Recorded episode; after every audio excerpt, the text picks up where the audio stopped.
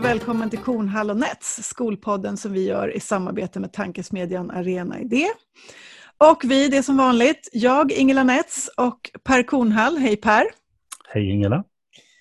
Vi, eh, det här vet ni nu, men vi säger det igen. Vi gör den här podden helt ideellt för att vi tycker att det är så otroligt inspirerande och nyttigt och viktigt och lärorikt att prata med människor som, som kan skola eller som har en position i samhället där de på något vis eh, har möjlighet att påverka skolan. Och idag ska vi sannoliken träffa en person som, som eh, av de skälen är intressant att prata med.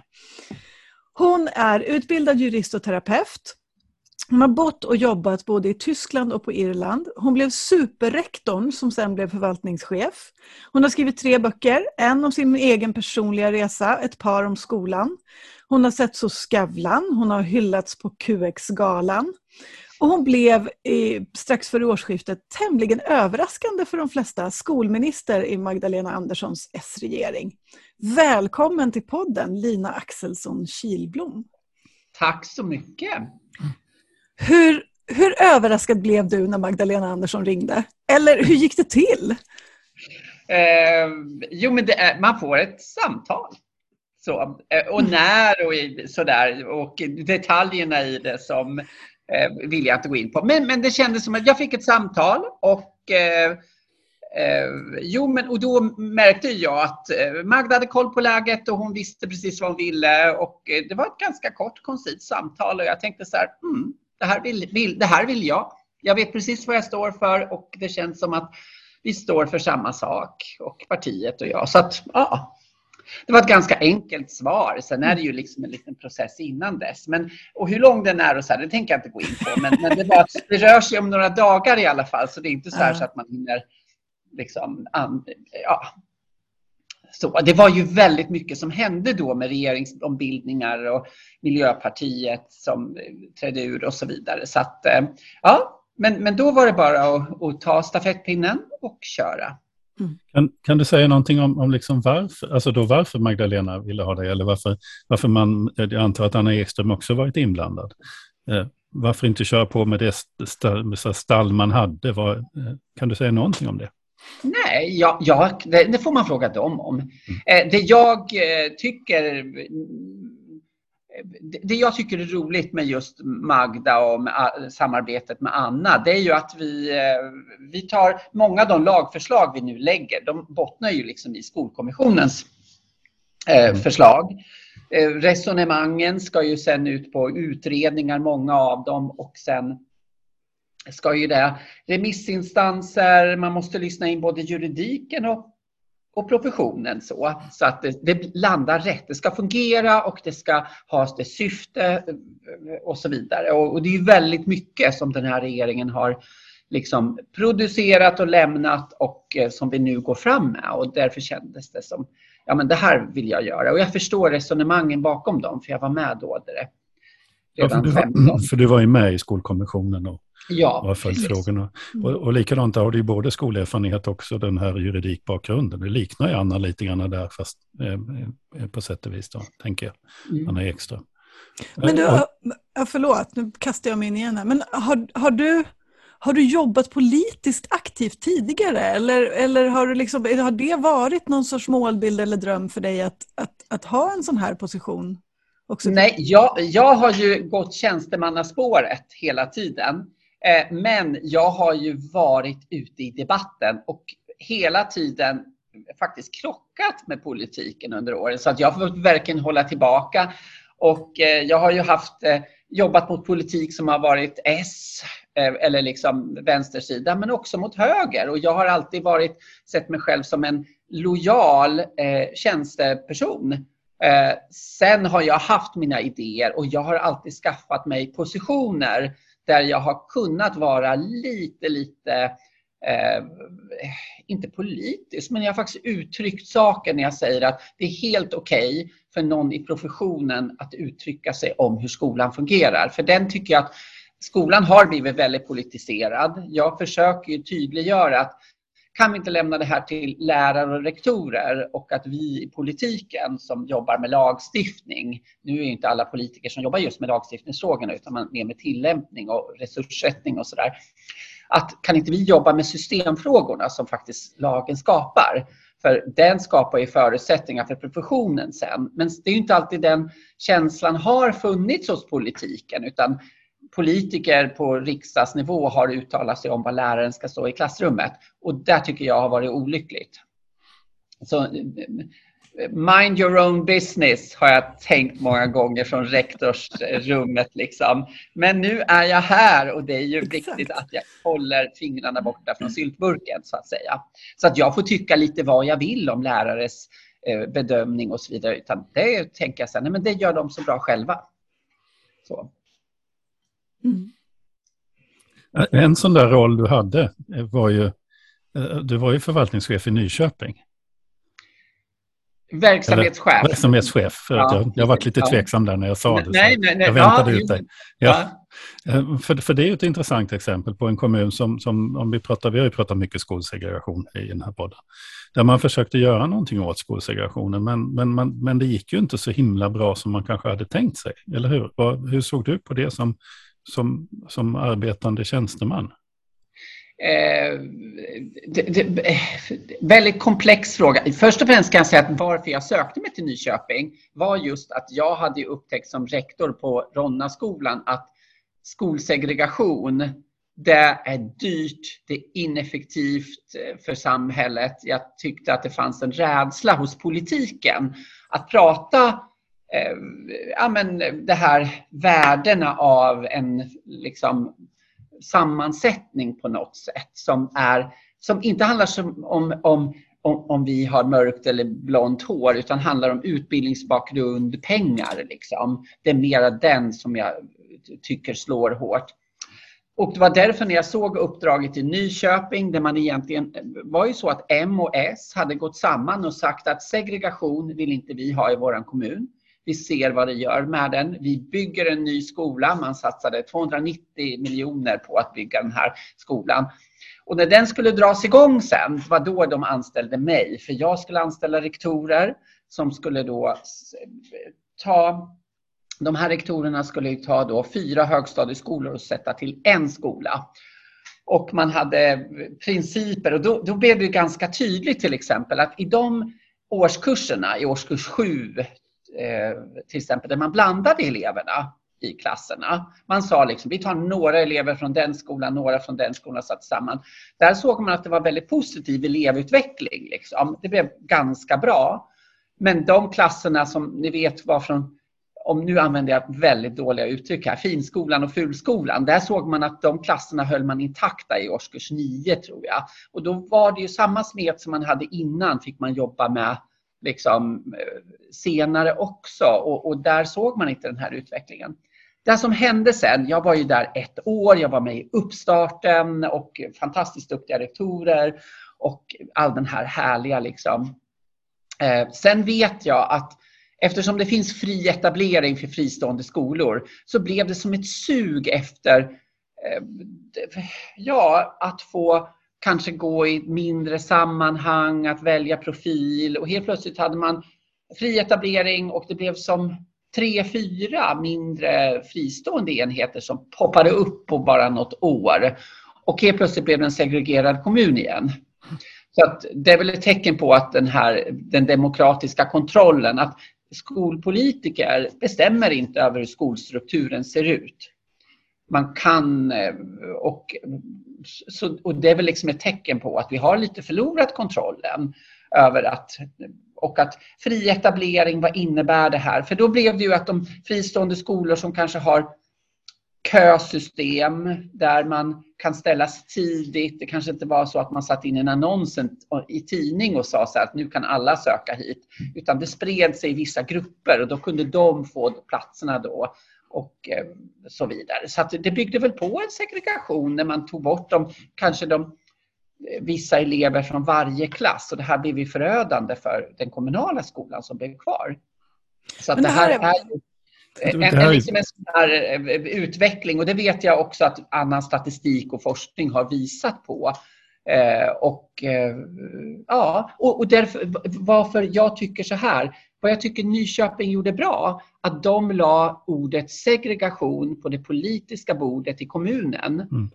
Sen tror inte jag att den stora lösningen finns, utan det här är någonting som måste finnas i ett systematiskt arbete där man varje år säger hur ser det ut hos oss? Vad kan vi göra? Vad vill vi göra och så vidare. Men, men det här är ju liksom ett sånt, alltså, vi brukar prata om det kommunala självstyret och så som, som oerhört viktigt i Sverige. I det här fallet så hade man ju alltså en, en, en majoritet i den demokratiska kommunen, men det gick inte att styra det. Men nu har ju ni ju lagt lite förslag på som ska alltså, ge kommunerna mer att säga till om. Skulle, skulle den lagstiftning som ni är på väg att lagt fram göra gör någon skillnad i Nyköpings kommun? Eller, eller är det... Eh, det, det beror på. Jo, jo, men jag tycker väl så här. Att det finns en skyldighet för kommuner att faktiskt uttala sig om vilken konsekvens har det om den här skolan etablerar sig här? Att man faktiskt ställer sig den frågan och ha, gör ett ordentligt analysarbete så att man svart på vitt får svar på den frågan. tycker jag är ganska rimligt. Framförallt det handlar om skattemedel, det handlar om att eh, eh samhällen kan brytas isär och blir det helt plötsligt vi, vi ser ju det här scenariet om man, en etablering sker helt okontrollerat så gör det att väldigt många skolor i kommunen går ner på minus, måste sparka lärare, får stora underskott, vilket fördyrar driften. En viss antal elevgrupp ska fortfarande betala den hyran och så vidare. All de här extra pengarna måste man kompensera fristående skolan för. Eh, så då får de fristående skolan extra mycket pengar och kommunen får bara pumpa in pengar för att täcka förlusterna. Det här är liksom samhällsekonomiskt så systemet är inte riktigt friskt i det här. Och det, det ja, så jag, jag, stannar väl där. Sen, Men samtidigt, sen, ja jag tänker det här, för det här är ju en vattendelare i diskussionen nu när, när ni har lagt ett förslag om en, en, eh, en differentierad skolpeng eh, på något vis där kommunerna ska bli ersatta för det ansvar, utbudsansvar som de har och, och friskolorna inte. Eh, och, och, och, där, finns i, där i sin tur finns det ytterligare vattendelare som, som jag tycker det blir ganska tydliga också där där de små eh, eh, en, enstaka skolorna, om man säger så, friskolor som inte ingår i en större koncern utan är liksom en liten idéburen, kanske ekonomisk förening eller stiftelsedriven skola på en ort, eh, ser att men här, här riskerar liksom fötterna att slå undan, slås undan eh, för oss eh, ekonomiskt. Eh, och, och om det inte är så att man inte klarar ekonomin så är i alla fall risken stor att man så att säga, blir uppkäkad av de stora koncernbolagen som, som ser en möjlighet att förvärva en, en fungerande liksom, skola som kan ingå i ett mycket större sammanhang där det finns ekonomiska muskler. Det här, jag förstår ju att ni diskuterar den här aspekten också, för jag utgår ifrån att att målsättningen med den politik som, som du är med och presenterar och lägger fram nu inte är att bli av med alla friskolor i landet? Nej, men jag är ju för fristående skolor. Mm. Det är liksom bara, men Konkurrensverket, IFAU och många andra eh, säger att det kommunala uppdraget är dyrare, det är större. Varför har ni lika stor peng? Mm. Och det är ju mitt ansvar att se till att pengarna går till till det de är avsedda för. Det är inte välgörenhet. Vi, liksom. Så att jag tycker pengar för det uppdrag man har. Så, så det är bara den principen jag tycker är viktig. Den är ju, och, den är ju framräknad sen, jag menar, det, här, det ingick ju i, i propositionen 1992. Det, fanns ju, alltså, det har gjorts utredningar sedan 1990-talets början som alltid visar att friskolorna har lägre kostnader än kommunerna på grund av ja. kommunernas ansvar. Så det, att, att det, detta inte har, liksom har rättats till under 30 år snarare en, en skandal. Eh, ja, eh, man, man, har nog inte riktigt haft koll på den eh, så och man kan inte ha koll på allting samtidigt. Liksom. Men det har ju varit en ganska, ja men, eh, ja men det är en grundläggande princip som vi kanske lite har glömt bort och därför blir folk väldigt upprörda nu och så vidare. Jag är ju för fristående skolor jag, jag liksom vill ha mera skolval. Det är därför jag vill ta bort köerna. För jag kan ju inte, jag menar själv liksom ha adopterade barn. Det är ju jag kan ju inte vara delaktig i ett skolval där de flesta skolplatserna är paxade. Det är ju ganska meningslöst. Tänk om jag, jag får bara rösta på de låtar i Mellon som folk inte, liksom vissa har paxat redan. Ja men det är ju helt, eh, och jag förstår att man kan, eh, ja, så, så, att jag tycker bara att det ska vara en rättvisefråga. Att jag tycker väl alla, när det är dags att välja skola kan inte alla få samma chans. Jag tänker det är många där ute i landet som tänker på att flytta. Man kanske får barn tidigt och tänker medan barnen är små, då gör vi vår bostadskarriär. Så när de är sex år, då bor vi i vår villa, men just nu bor vi i en tvåa liksom på Söder. Och det är konstigt att då när man har hittat sin villa i Enskede, eller vad det nu må vara, liksom, eller ute i landet i någon stad, eller by, att man inte kan delta i någonting, att man helt är utestängd. För det har paxat sedan sex år tillbaka. Det är för mig orättvist.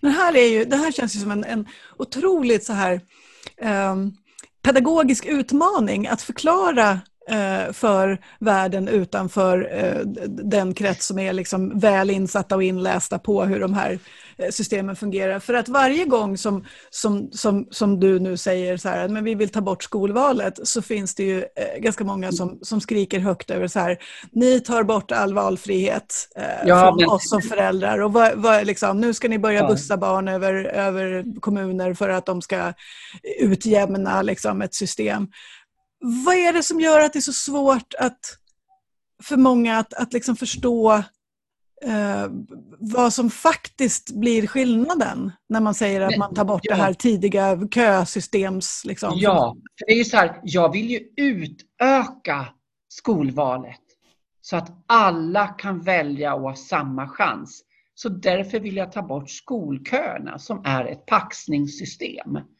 För vi vet att det är viss grupp i samhället som är duktiga på att planera och paxa.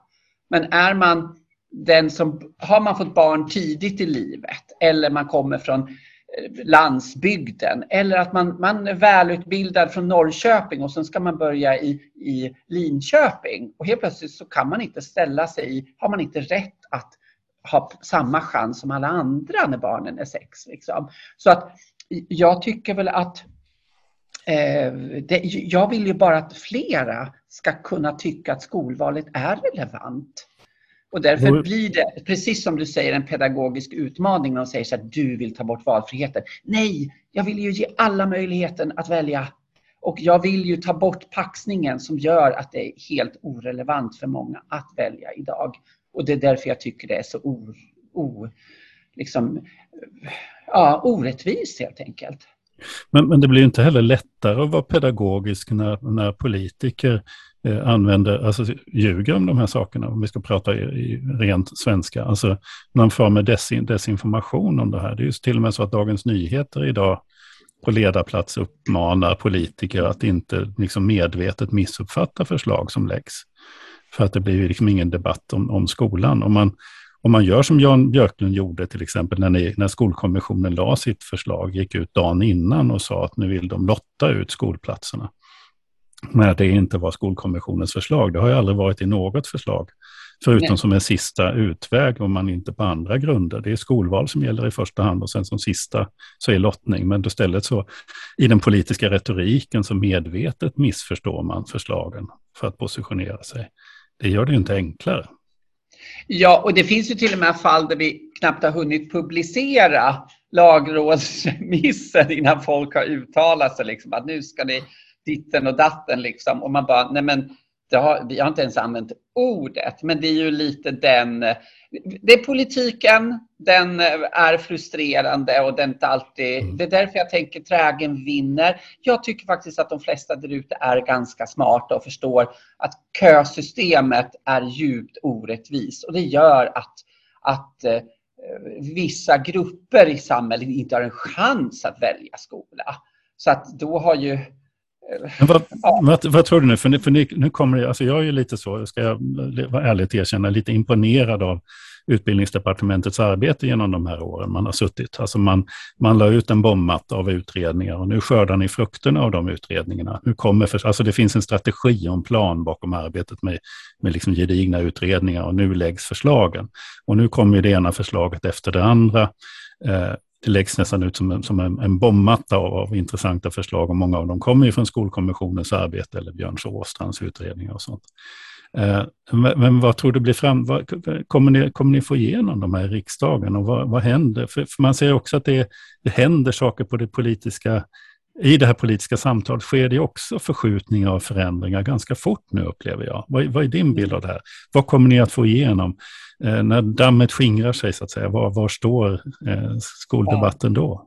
Och, och det är bara en första kommentar där. När jag får höra att det här är havsverk, då blir jag så här, okej, okay utredning, remissrundor, experter som tycker till. Det tweakas in i det sista. Liksom. Expertjurister som tittar på alla förslag i, i jättelänge. Liksom. Och sen tycker man ändå att de förslagen är havsverk jämfört med Expressen debattartiklar från partier liksom, som är så här bara, jo men vi satt igår och, och klämde ihop det här och det förslag och det känns väldigt välgrundat. Det blir, tycker jag det är komiskt.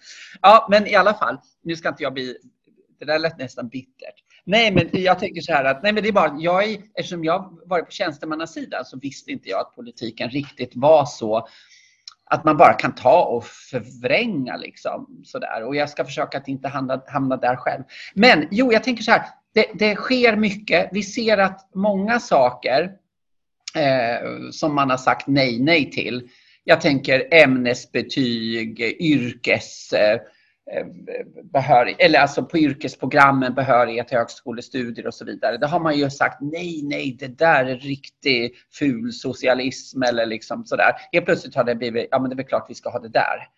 Eh, så att det sker förflyttningar. Och jag tänker att de här gedigna utredningarna som våra förslag bygger på, remissrundorna, det gör ju att både fackliga, andra expertorganisationer, de de säger bra, kanske tänk på det där och det där och det där. Och då tar vi in det och så tittar vi på det när vi liksom producerar det här. Det är, en skola i det också. Så att samhället utvecklas.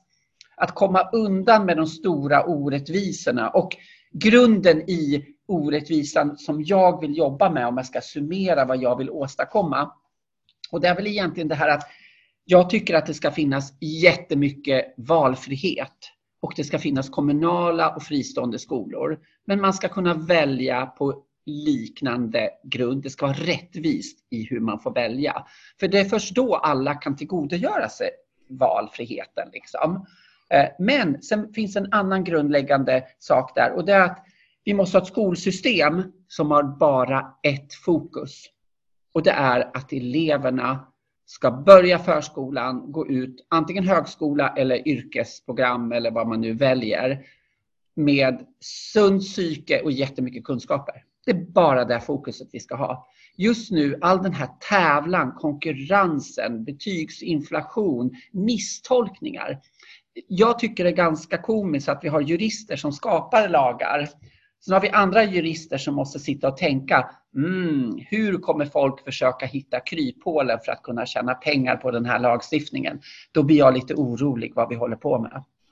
Alltså, det där gör mig lite rädd att jag vill lägga fram förslag, men då säger de så här, oj, oj, oj, det där skulle folk ta pengarna och så skulle de inte göra det. Och då känner jag bara, nej men så ska vi inte ha det. Vi ska ha ett skolsystem där alla som är involverade, skattepengar, det ska gå till barnen.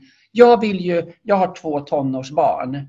Jag vill känna att systemet är välvilligt och att de har ett fokus och det att de ska kunna få ett jobb så, och starta ett vuxenliv. Det är liksom, kan inte komma Just, dit, snälla. Den kända skolforskaren Linda Darling Hammond lär ju ha sagt till Anna Ekström när, när hon förstod hur svenska skolsystemet var riggat med aktiebolag och vinstintressen. Och så, som att ni har släppt in djävulen i systemet. Så, lite kort för att sammanfatta det hela. Ja. det är klart att släpper man in djävulen då måste man jaga de här små jävlarna överallt där de dyker upp. Eh, som dina ja. jurister då får göra då.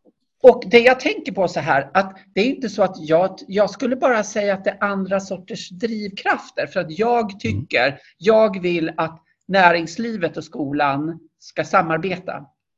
Jag tycker för vi måste ge, det finns en win-win. Unga behöver jobb, näringslivet behöver kunna anställa rätt personer för att kunna växa, och utvecklas. Vi behöver kreativa människor, vi behöver yrkesarbetare, vi behöver akademiker. Så det finns en win-win här. Jag ser även att i den win-win-win, eller win-win, att vi kan ha företag som är delaktiga i elevers utbildning. Fine. Det är liksom bara jättebra. Men så länge att jag märker liksom att vi varenda liten regel, varenda litet undantag blir ah, här kan jag tjäna pengar. Jag jobbar ju på en skolkoncern, jag behöver inte gå in på det. När man, jag fick en gång en fråga eh, av en ägare så här att språklärare kan ju ofta väldigt många språk och kan ju undervisa i franska och tyska så där. Man kan inte ha de grupperna samtidigt. Så att man säger att ni är franska, då säger man så här och ni på tyska säger det här. Liksom. Och då blev det bara så här, nej, det kan man inte. Nej. och jag vill se den fackliga representanten som säger så här, jo men, men Sonja eller Olle, de, de, kan, de kan undervisa på flera språk och därför kommer de ha blandade grupper. Liksom. Eh.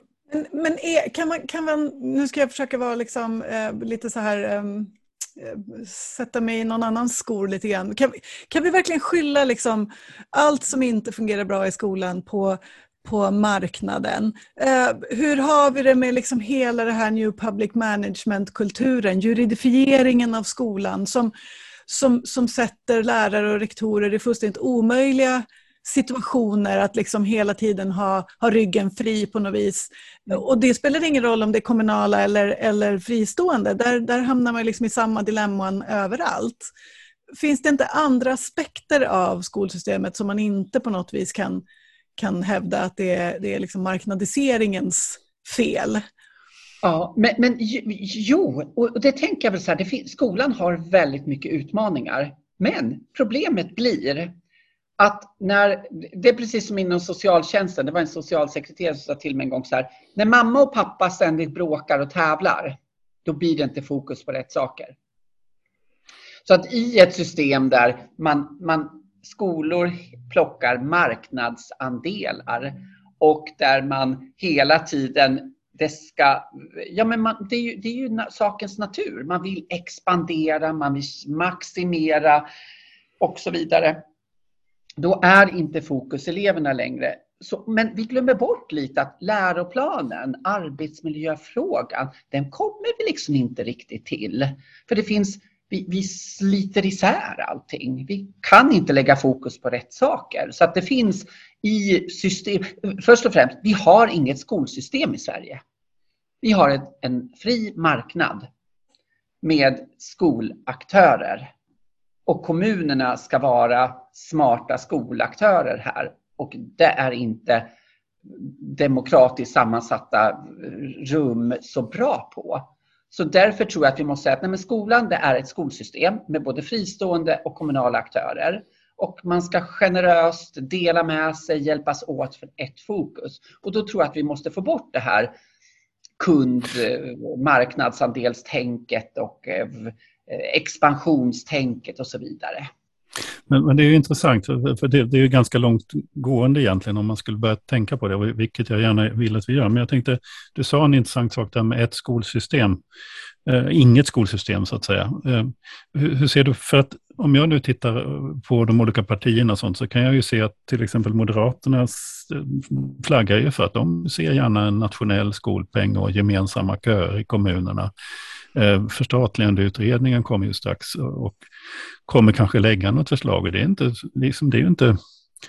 Det finns ju rätt många partier som skulle ställa sig bakom ett byggandet av ett offentligt skolsystem i Sverige. Det vill säga, då skulle det i så fall innebära att friskolorna skulle vara kvar, men att kommunernas eh, skolor skulle inordnas i en större offentlig struktur.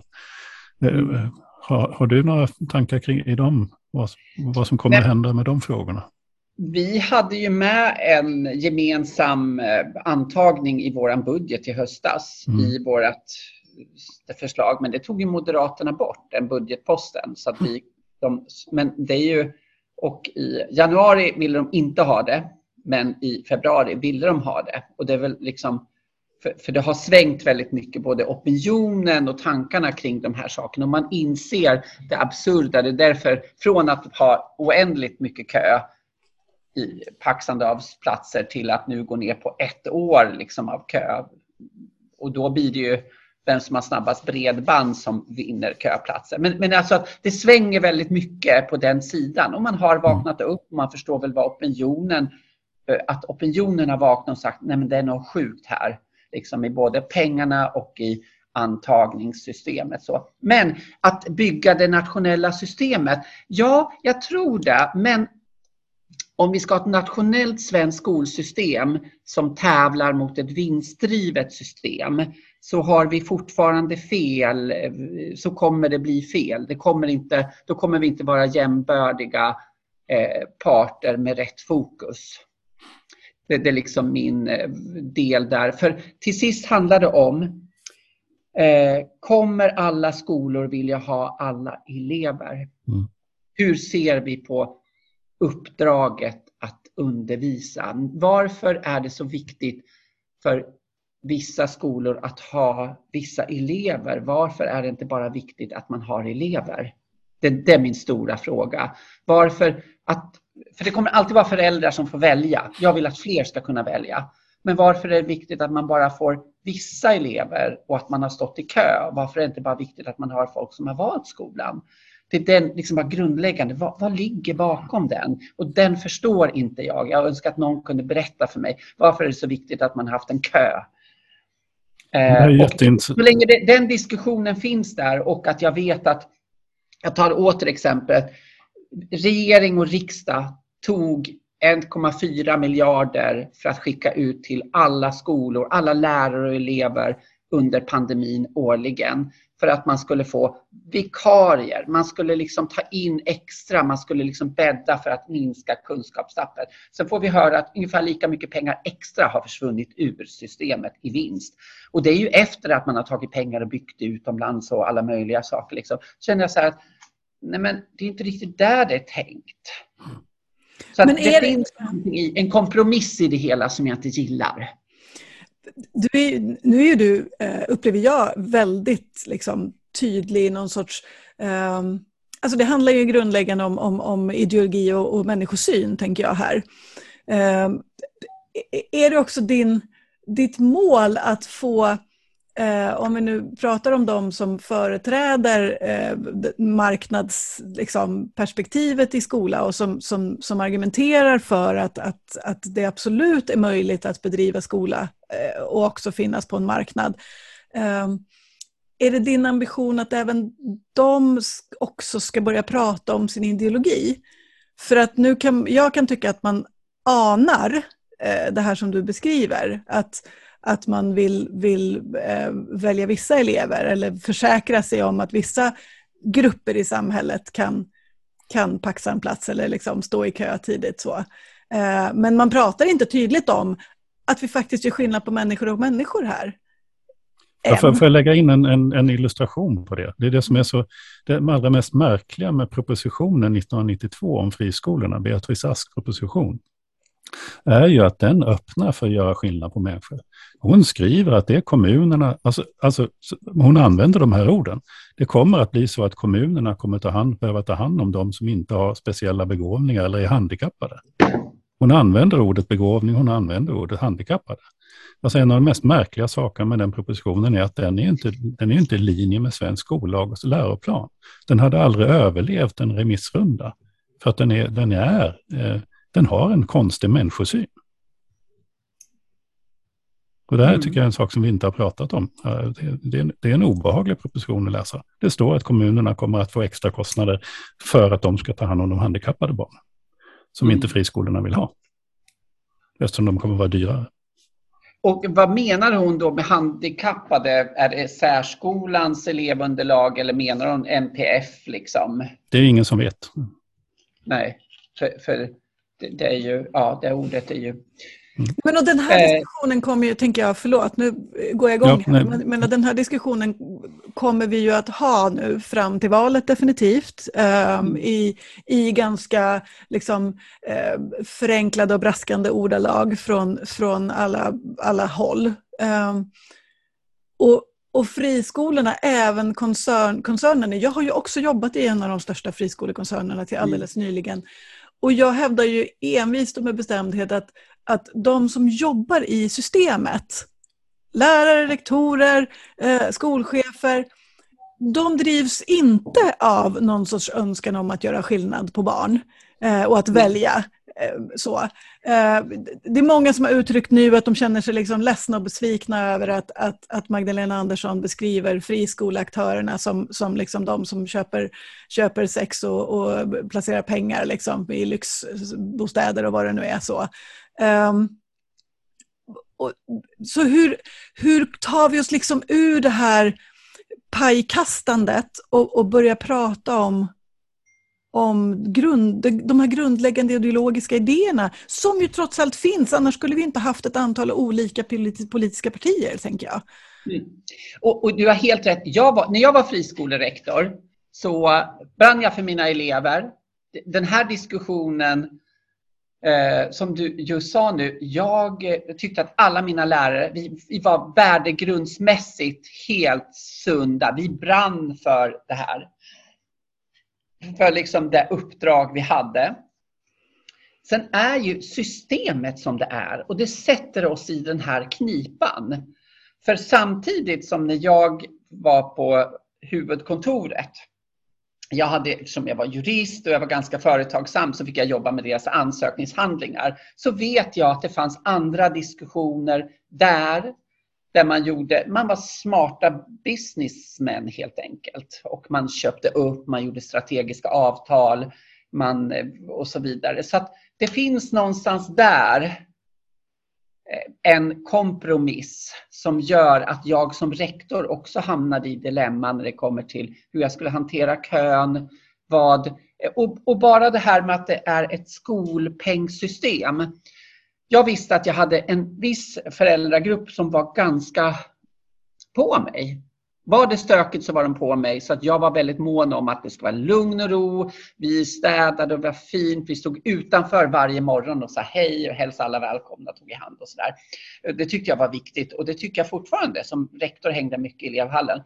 Men jag vet att om jag hade tagit in, om det hade kommit in elever som hade stökat så hade de tagit sin skolpeng och gått. Och helt plötsligt hade mitt varumärke blivit den stökiga skolan.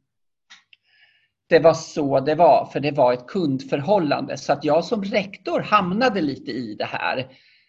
Att åh, må det liksom må det bli en lugn klass nu vi skapar i årskurs ett eller i sex års. Så att det är någonting i det här när vi, eh, där vi hamnar i dilemman helt enkelt.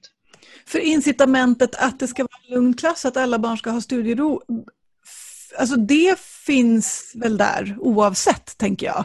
Men du, du menar att det blir, det blir liksom ett större dilemma om, om, med tanke på skolpengen och just det här uh, Go Shop som, som Passi Salberg sa, uh, Go Shop Around, när vi pratade med honom.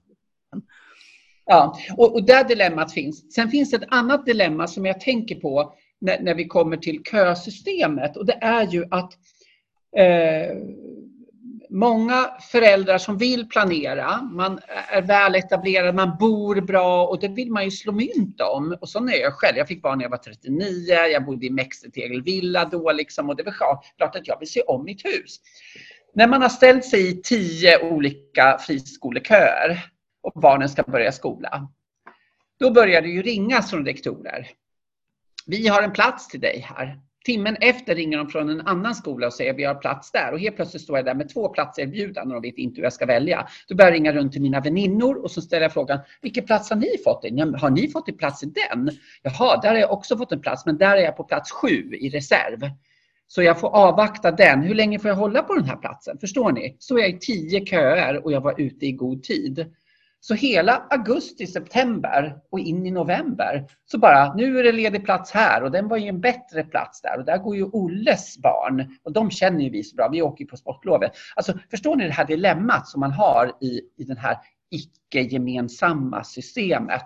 Och det här gör ju det också väldigt svårt för skolor att kunna planera. Det är shop around, man har varit strategisk fast det innebär egentligen att man hamnar i en karusell av skolval som jag förstår att folk är väldigt trötta på. Så det offentligt gemensamt antagande och där man kanske tittar på hur många gånger ska man kunna byta skola? Hur många köer ska man kunna stå i? Och vad är det gemensamma fokuset? För jag vill inte att man ska ens misstänka fristående skolor att man väljer bort svåra elever. Då får man bättre att vi har ett tilläggsbelopp som man säger så här, vi har fått in, in en elev här som behöver två elevassistenter. Alltså hur ska vi lösa det här? Och då får man diskutera den saken istället för att vi, vi bara skjuter ifrån oss eller att vi väljer elever. Så att jag tror vi måste säga så här, vi alla har ett gemensamt uppdrag och det är elever oavsett vilka de är. Så att, man... förstår ni, det var ett långt resonemang det där. Mm. Mm, nej men det är, jätte, det är jätteintressant. Och jag tycker det här med Alltså, alla som jobbar i skolan, som jobbar med barn och ungdomar i skolan har ju dem som i fokus. Så det finns ju alltså en etik och en moral i, i, i läraryrket. Och jag tror också det är den grundläggande moralen och etiken som gör att så många lärare, även de som jobbar på friskolor, inte tycker om systemet. De tycker om sina skolor, de tycker om sina rektorer, de tycker ja. att, att, att liksom, det är inte där det ligger, utan det är själva systemet som du säger de pekar på. Men om vi då pratar lärare och systemet, en annan sån där systematisk eh, problematik i den svenska skolan är ju att vi har ju låg lärartäthet i svenska skolan, men den är ju dramat, den är ju framförallt eh, skapad av att de fristående skolorna inte anställer behöriga lärare. Alltså hur kan staten stå och titta på när en del av skolsystemet inte bryr sig om lagstiftningen om lärares behörighet? Alltså det är en sån där fråga alltså, som jag inte riktigt förstår. Hur kan vi ha ett skolsystem man bara, man bara fortsätter betala ut pengar och så är det vissa som bara struntar i vad lagen säger? Och återigen när det kommer till kryphålen. Eh, ja. Jag vill egentligen inte säga för mycket om den här saken, men jag vet att det är ju så att det har funnits vissa undantag mm. och det har maximerats att kunna nyttja dem. Och det mm. jag tycker blir viktigt är att eh, jag tycker alla i svensk skola, är det skattefinansierad verksamhet, kan vi inte ha kollektivavtal? Snälla, kan man inte när man väljer skola se till att eleverna går i en skola där lärare har kollektivavtal. Och sen att man har en mattelärare som systematiskt har 10 000 mindre än någon som har en svensk legitimation bara för att de inte kan säga upp sig för då åker de ur landet. Alltså jag bara, nej, för mig gör det lite ont och det här är saker jag, jag tycker är viktigt att vi ja, jag vill inte säga för mycket om saken och det gör mig väldigt, väldigt förbannad att vi har vissa undantag som är skapade för just för just undantagen. Och det finns ju andra grupper där man kanske inte har samma legitimationskrav. Jag tänker inom eh, modersmål eller andra sådär. Tänk om vi skulle bara säga, men då har jag bara, jag har bara modersmålslärare så slipper jag ha legitimerad personal. Och de är så beroende av mig så att jag kan då betala dem mindre pengar. Liksom. Och de kan inte ha... Ja. Så att jag, mm. jag tycker liksom att men... det finns mycket jag vill säga om den saken. Men det är just det här att kan man tjäna lite pengar, då gör man det. Inte det, för det förs ju fram, apropå det här med, med liksom vissa, vissa kvaliteter som man ändå någonstans tycker att det bör finnas i, i, i skolans verksamhet oavsett driftsform. För det förs ju fram förslag om att vore det inte bättre nu om man vill liksom få bort avarterna och de som, som du säger hittar alla kryphål som går att hitta. Um, vore det inte bättre då att, att sätta någon sorts standard det ska finnas ett bemannat skolbibliotek. Det ska finnas x antal elevhälsopersonal på en grupp elever. Det ska finnas eh, liksom, schysst mat i matsalen. Det ska finnas en skolgård. Alla de här sakerna som vi på något vis tar för givet att barn, oavsett vilka barn det är, får i mm. skolan. Är inte det ett sätt att komma åt de här som, som, som man argumenterar för liksom, tar ut vinst istället för att göra det som eleverna behöver? Jag tänker väl att det är ett sätt att gå framåt, att man eh, superreglerar. Och sen har vi inspektörer som går ut och räknar. Eller så säger vi att alla pengar du får in från för de här 200 eleverna, de ska gå till 200 elever. Men ni får fritt ansvara, rektor, lärare, för hur ni använder dem. Vill ni lägga det på mycket digitala läromedel, fine. Vill ni köpa böcker, vill ni ha bemanning där eller vill ni ha något annat, det är fine, bara jag vet att de läggs där. Så det är ju annat att vi jobbar med tillit, men att börja lägga sådana här ramar och tro att det ska liksom bli så att okej, okay, nu har jag 200 elever, då ska jag 1,2. För då är jag säker på att man kommer börja tulla med de sakerna också. Det skulle ju fungera, på Lina, det skulle ju fungera i ett statligt finansierat system, för då skulle det vara så här mycket pengar till de här eleverna. Men nu har vi den situationen, nu har vi bara pratat om marknadsskolan, men om vi tittar på effekten av kommunaliseringen så kan man ju tycka i en kommun att nej, de här eleverna i vår kommun är inte värda lika mycket pengar som i grannkommunen, så vi lägger hälften så mycket som, som den i, på eleverna. Det, alltså, det är ju så pass stort spännvidd i Sveriges kommuner så att det, det skiljer 100 procent mellan den kommun som lägger minst och den som lägger mest på elever. Kan, Absolut. Alltså, är det, alltså är det, kan en kommun då också bara ändra på den ambitionsnivån? Nej, vi ska inte ha, vi har friheten att göra vad vi vill, så vi väljer att inte ha skolbibliotek och läromedel och, och, och utbildade lärare för att det är där vi vill lägga oss. Fast, och i tillit. Där, I tillit ja, ja, men i tilliten så i princip så är det väl så att de kan det. Men där är det ju så, vill man eleverna väl så vet man att ett bemannat skolbibliotek är bättre än ett obemannat. Vill man eleverna väl så ser man till att man har duktiga legitimerade lärare. Vill man eleverna väl att de ska hållas i systemet, då har man elevhälsopersonal. Det tycker jag ska vara som en grundläggande. Men vem i systemet tänker att jag kan tulla på det här eller spara på det? Det är där liksom. Mm. Eh, och till sist handlar det om, jag tycker det handlar om etik och moral. Jag tycker, är man ansvarig politiker, nu kanske jag blir kanske jag får skit för. Ja, men jag tänker så här, vi, när jag köper tomater så tittar jag på, är de ekologiska? Men är det så att jag väljer skola och tänker att jag skiter i om lärarna här har det bra eller inte, eller om de är legitimerade eller inte. Det, det liksom, men tomaterna, att de ekologiska är viktiga. Då tänker jag att ja, men vi kanske måste upplysa om vad som är kvalitet och faktiskt ställa krav på både alla sorters huvudmän. Nej, men sko en skola ska ha ett bemannat skolbibliotek. Och då hamnar vi i en regelstyrning. Alltså en kvalitetsnormerna ja, är ju då i någon mening en, en regelstyrning. Fast, fast, det finns ju regler där. Det ska finnas liksom Eh, olika kvalitetsaspekter. Det ska finnas elevhälsopersonal. Vi försöker definiera, men att vi ska behöva peka ut att 1,2 skolsköterska till den här elevgruppen. Man kanske kan jobba med riktmärken, men ändå vill man eleverna väl så ser man till att funktioner finns och pengarna går dit. Ja, det är därför jag i Agenda i söndags säger att hur har man mage att tycka att man har gjort tillräckligt för den psykiska ohälsan så man kan plocka ut en enda krona i vinst. Det är liksom för mig, vi vet att de siffrorna är jättehöga. Liksom. En, en sista fråga, har det varit bra, för jag ser att vi måste släppa dig, för du, ministrar lär ju vara upptagna, har vi, har vi hört. Eh, har det varit skönt för regeringen att slippa januariavtalet nu och har det varit bra för svensk skoldebatt? att man slapp den här tvångströjan. Och, och, eh, så. Det är en lite ledande fråga. Ja, eh, jag tror att eh, januariavtalet fyllde sin funktion. Det var i det parlamentariska läget vi är nu. Jag tycker det är jag kan bara tala utifrån mig och regeringen så att vi, jag tycker det är väldigt viktigt att vi får visa våran politik. Vad har eh, socialdemokratiska eh, väljare och eh, medlemmar tyckt till och sagt så att vi får gå fram med de här sakerna. Många av de här förslagen är ju utredda och beredda under januariavtalet.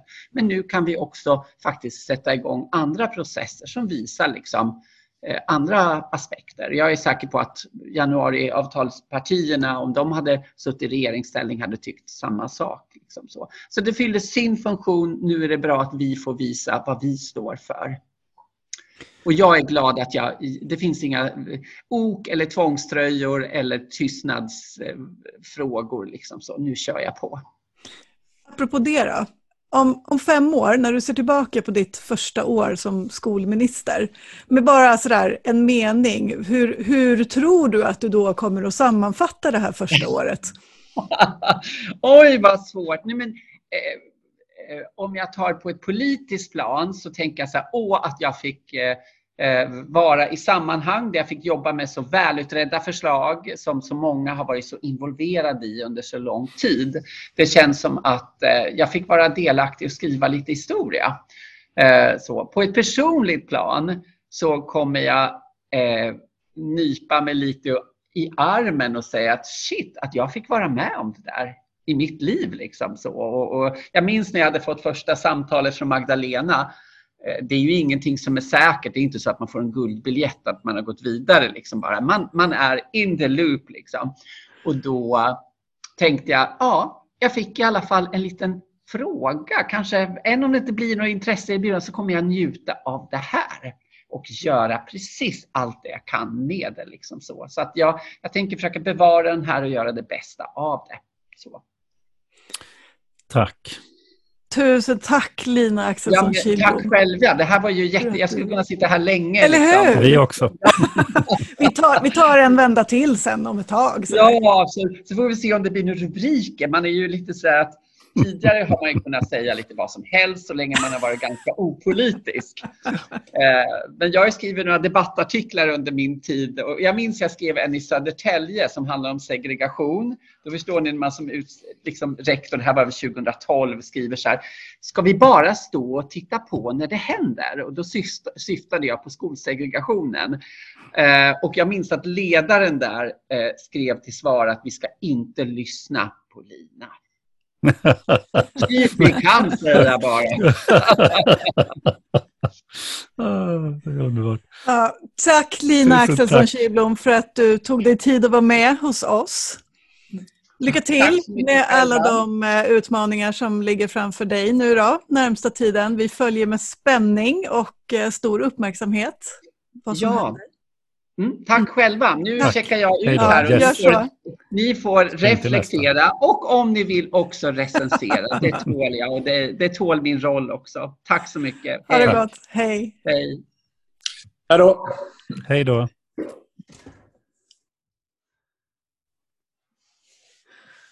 Ja, en timme går fort. Ja, mycket att prata om. En knapp timme. Men ja, ja, vi lyckades dra över några minuter också. Ja, det var ju bra. Det var väl mest att han ville att de ska sluta innan, innan 12 antar jag. Precis. Ja, fick vi, fick vi några svar som vi, hade, som vi liksom uh, behövde? Alltså jag tycker man får ett svar på vem, vem Lina är och, mm. och det är sånt som, som både du och jag, vi har ju träffat henne eh, genom åren, mm. och inte minst du i, mm. i Södertälje, mm. att hon, hon har ju en, varit driven av, av någon sorts moralisk övertygelse i hela mm. sin gärning. Mm. Hon har pratat om de här sakerna. Hon har varit påfallande tydlig med åsikter även när hon har varit i tjänstemannaroller på olika mm. sätt. Så det är ingen som har tvekat på Verkligen. var Lina står i vissa frågor och det fortsätter ju vara så.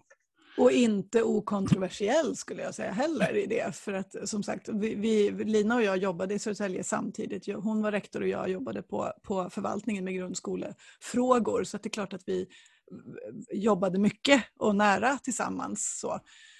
Um, och, och, hon utmanade systemet. Jag, hon, hon, beskriver ju det, liksom, att hon verkligen såg sin tjänstemannaroll och, och, och höll väldigt hårt i uppdraget på något vis.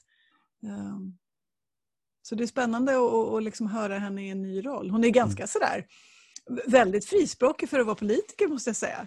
Ja, och, och, och påtagligt medveten om att hon inte fick vara hur frispråkig som helst. Att hon hade, det, var, det är lätt för henne att säga kanske mer än vad, än vad, än vad, vad ja, vad rollen nu liksom ja, tål. För man blir ju lite, ja. ja. Men, det, men står, också... det står ett antal journalister liksom på kö mm. bara för att, mm. för att hitta en, en, en, en svaghet eller, ja. eller Precis. Men det är också lite befriande. Och jag ja. tänker, jag har ju i min egen amatöranalys någonstans är ju att, att Lina har fått det här uppdraget för att vara den som nu går fram och, och, och liksom flyttar fram positionerna för vad det är vi faktiskt diskuterar mm. i, i det svenska skolsystemet. Mm. För det har varit väldigt mycket liksom, eh, linda in i fina ord och, i, och liksom, eh, vad ska man säga, Eh, byråkratiska formuleringar. Men, men Lina är en person som, som väldigt rättframt liksom uttrycker saker och ting och jag tror att det är hennes uppdrag att göra det. Och så någonstans får det liksom bära eller brista. Men det hon bidrar med är i så fall att flytta fram positionerna för vad som ens är möjligt att diskutera. Ja, men så har jag också uppfattat det som en, som en vad ska jag säga, en socialdemokratisk positionering i de här frågorna. Att, mm. att sätta en person som är frispråkig mm. och tydlig med, med åsikter. Men kunnig ska vi också säga. Och kunnig, ja, absolut. Hon, hon kommer från, liksom inifrån systemet. Hon har jobbat som rektor på en skola som, som hade stora utmaningar. Hon vet, hon vet vad som behövs och hon är djupt grundad i, i den här idén om att alla barn har rätt till lika bra utbildning. Mm. Och där ligger de ju också väldigt mycket i linje med vad, vad, vad lärarna uttrycker i sina organisationer mm. och skolledarna mm. uttrycker i sina organisationer. Mm. Om vad, vad som är viktigt. Mm. Och med det sagt så kan man väl också kommentera, nu hann vi inte prata med Lina om det, men, men det var ju inte så att, att lärarna som kollektiv var översvallande eh, lyckliga eh, under hennes år som rektor i Södertälje. Mm. Det, det var, hon, hon utmanade också där mm. eh, normer och, och lite så här eh, liksom, tankesätt om så här har det alltid varit. Um, utifrån, eh, som jag uppfattar det också då igen, den här starka idén om att de här eleverna ska få samma chanser och förutsättningar som, som de som har haft en bättre start i livet eller har föräldrar med högre utbildning och så vidare. Ja, jätteintressant, mm. roligt. Och kanske så att vi, vi får chans att återkomma och prata mer med henne längre fram. Ja, Efter valet kan vi väl se vad, vad, ja, ja. statusen är då. Liksom. Ja, exakt. Nu duckade hon ju lite sådär på vissa frågor, som, ja. men, men det kanske hon inte gör nästa gång. Nej, precis. Vi kan väl hoppas. Mm. Kul va? Ja, verkligen. Du har just lyssnat på ett avsnitt av Kornhall och Nets, en skolpodd som görs av Per Kornhall och Ingela Nets i samarbete med tankesmedjan Arena Idé. Hör av dig om du har eh, tankar om vem vi borde träffa eller prata med och, eh, eller ämnen och teman som vi, som vi borde lyfta som berör den svenska skolan. Allt ifrån vad som händer i klassrummet till vad som händer i den yttersta politiska makten. Eh, vi gör ju ibland också lite små internationella utflykter, vilket vi tycker är spännande, för det ger oss en, en, en, en ännu mer, eh, som säga, färgrik bild av den svenska skolan i relation också till omvärlden. Så eh, med det, du vet att du kan se, inte bara, du kan inte bara lyssna på programmet där du hittar poddar utan du kan också se en videoversion om du söker på Youtube på Kornhallonet till exempel. Med det, vi hörs snart igen. Ha det gott! Hej då! Hej då!